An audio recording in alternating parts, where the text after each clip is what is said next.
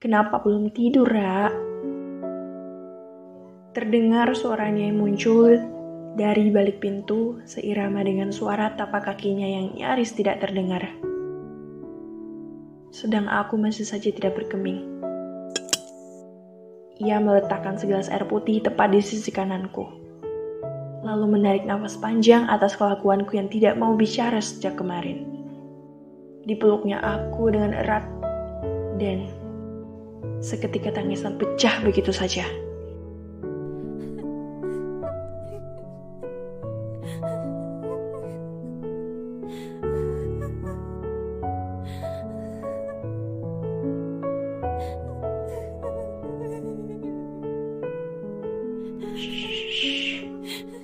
Tidak apa-apa. Orang dewasa juga perlu menangis. Ucapnya menenangkan. Hei, hei, hei. Detik ini kamu boleh menangis sepuasnya. Tapi ingat, belajarlah dari alam semesta. Hujan tidak akan selalu turun. Ia akan berhenti. Kemudian memicu pelangi. Meskipun akan hujan lagi. Dan akan seperti itu tiap kali.